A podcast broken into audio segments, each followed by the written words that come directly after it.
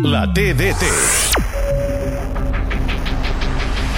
Gundogan pica cap a la frontal de la petita, la pot treure Gàbia, intentarà arribar-hi la Yamal a la banda dreta, pica la pilota cap al segon pal, cop de cap de Gavi, gol! Centrat la Yamal, un jove, ha rematat amb el cap Gavi, un altre jove, expulsant-se aquests primers minuts de desassossec, de problemes, de pressió, d'ocasions en contra, de domini del Villarreal, amb el cap Gavi al trapella per marcar el primer del partit. Gundogan per Lewandowski, a la frontal, atenció queda morta per Frenkie de Jong, gol!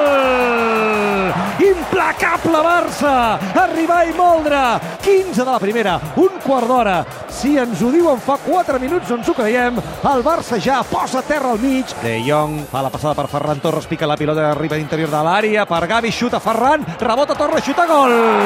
Ferran Torres. Torna a fer un altre gol, el que situa l'empat al marcador, l'encert d'un jugador en ratxa, d'un jugador que ve d'un estiu marcant a la pretemporada i que també els fa la temporada oficial, marca Ferran Torres, marca el tercer del Barça, compte que va Lamin, compte que va Lamin, xuta Lamin, pilota al pal, remata Lewandowski, gol!